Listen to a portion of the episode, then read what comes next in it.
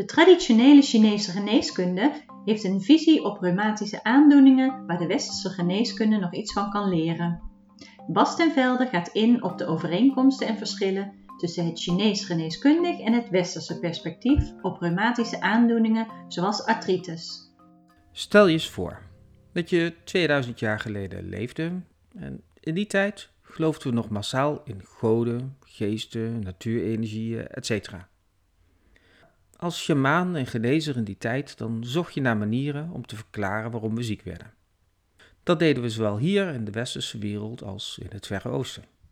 En als je dan kijkt naar bijvoorbeeld pijnlijke gewrichten, dan zie je vaak het volgende fenomeen. In de zomer, als de temperatuur aangenaam is, dan voelen de spieren, pezen en gewrichten vaak goed aan. Maar als de R in de maand komt en het wordt koud en vochtig, dan beginnen de vingers en de andere gewrichten ineens pijn te doen. Denk je als shamaan in termen van eh, goede en slechte energie? Dan zou je wel eens kunnen concluderen dat kou een evil chi is. Deze boosaardige energie die gaat via de poriën je huid binnen en zorgt daar voor pijn, zwelling en stagnatie.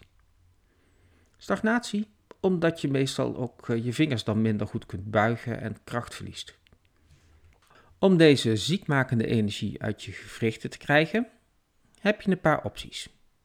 Zo kun je bijvoorbeeld kruiden innemen of naalden zetten.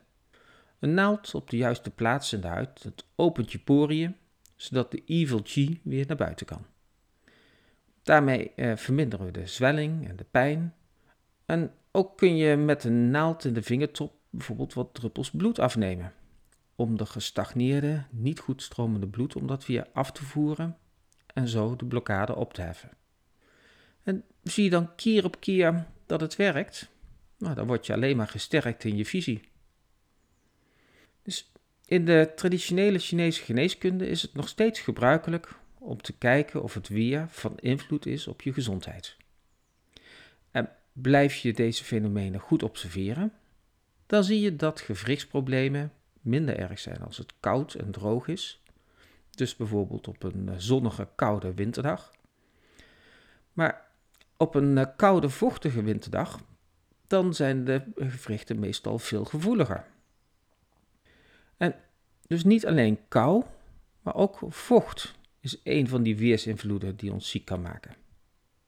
Dit vocht kan je op verschillende manieren vertalen vanuit Chinees, namelijk als vocht, maar ook als damp of mist.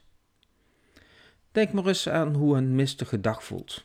Het is klam, koud, alles voelt trager en bedompt aan. En die traagheid of zwaarte, die kun je ook in je lichaam voelen. Daarom spreken ze wel eens van mist in het lichaam. En dan is er ook nog een derde weersinvloed, die van invloed is op onze gewrichten, en dat is wind. Wind wordt in de Chinese geneeskunde gezien als ziekmakend.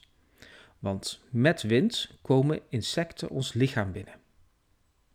Hmm, dat klinkt een beetje vreemd, hè?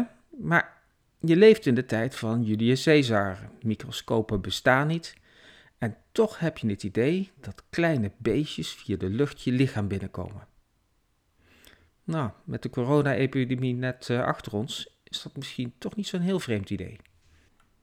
Reumatische aandoeningen zoals artritis, die worden in de traditionele Chinese geneeskunde nog steeds vooral gezien als een combinatie van wind, kou en damp.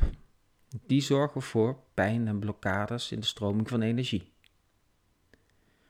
En voor die klachten hebben ze een naam, namelijk BI-syndromen, waarbij BI staat voor blokkade. Deze BI-syndromen die krijg je als het vandaan is aan twee voorwaarden. Allereerst is er sprake van een klimaat in het lichaam, zoals wind, kou, damp. Maar daarnaast moet je wei chi, dat is je beschermende energie, die moet verlaagd zijn. Dus naast het klimaat is ook je immuunsysteem betrokken bij reumatische aandoeningen. Nou, heb ik misschien de traditionele Chinese visie op reumatische aandoeningen iets gechargeerd, want uh, de visie is wat complexer omdat er bijvoorbeeld ook kan sprake, sprake kan zijn van eh, bijvoorbeeld een hittebie. Dan zijn wind, hitte en damp de ziekmakende klimaten.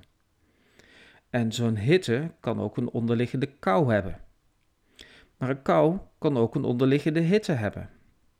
Maar goed, laten we het voor nu maar even houden bij eh, wind, kou en hitte.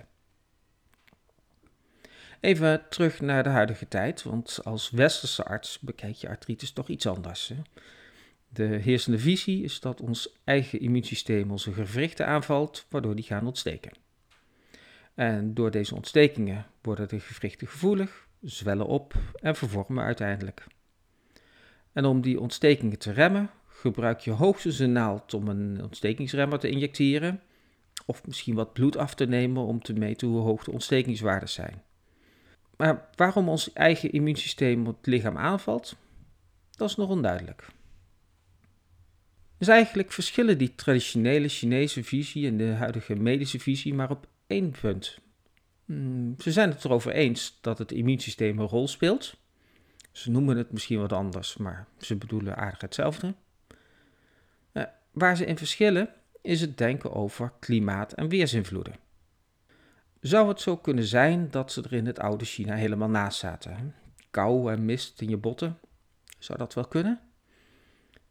Uh, bij dit soort vragen duik ik altijd uh, wetenschappelijke onderzoeken in. Uh, wat kun je erover vinden? En in 2011 is hier in Nederland een onderzoek gedaan naar de vraag of het klopt wat er in die Chinese geneeskunde beweerd wordt. kun je onderscheid maken tussen hitte- en koude klachten bij reumatische aandoeningen?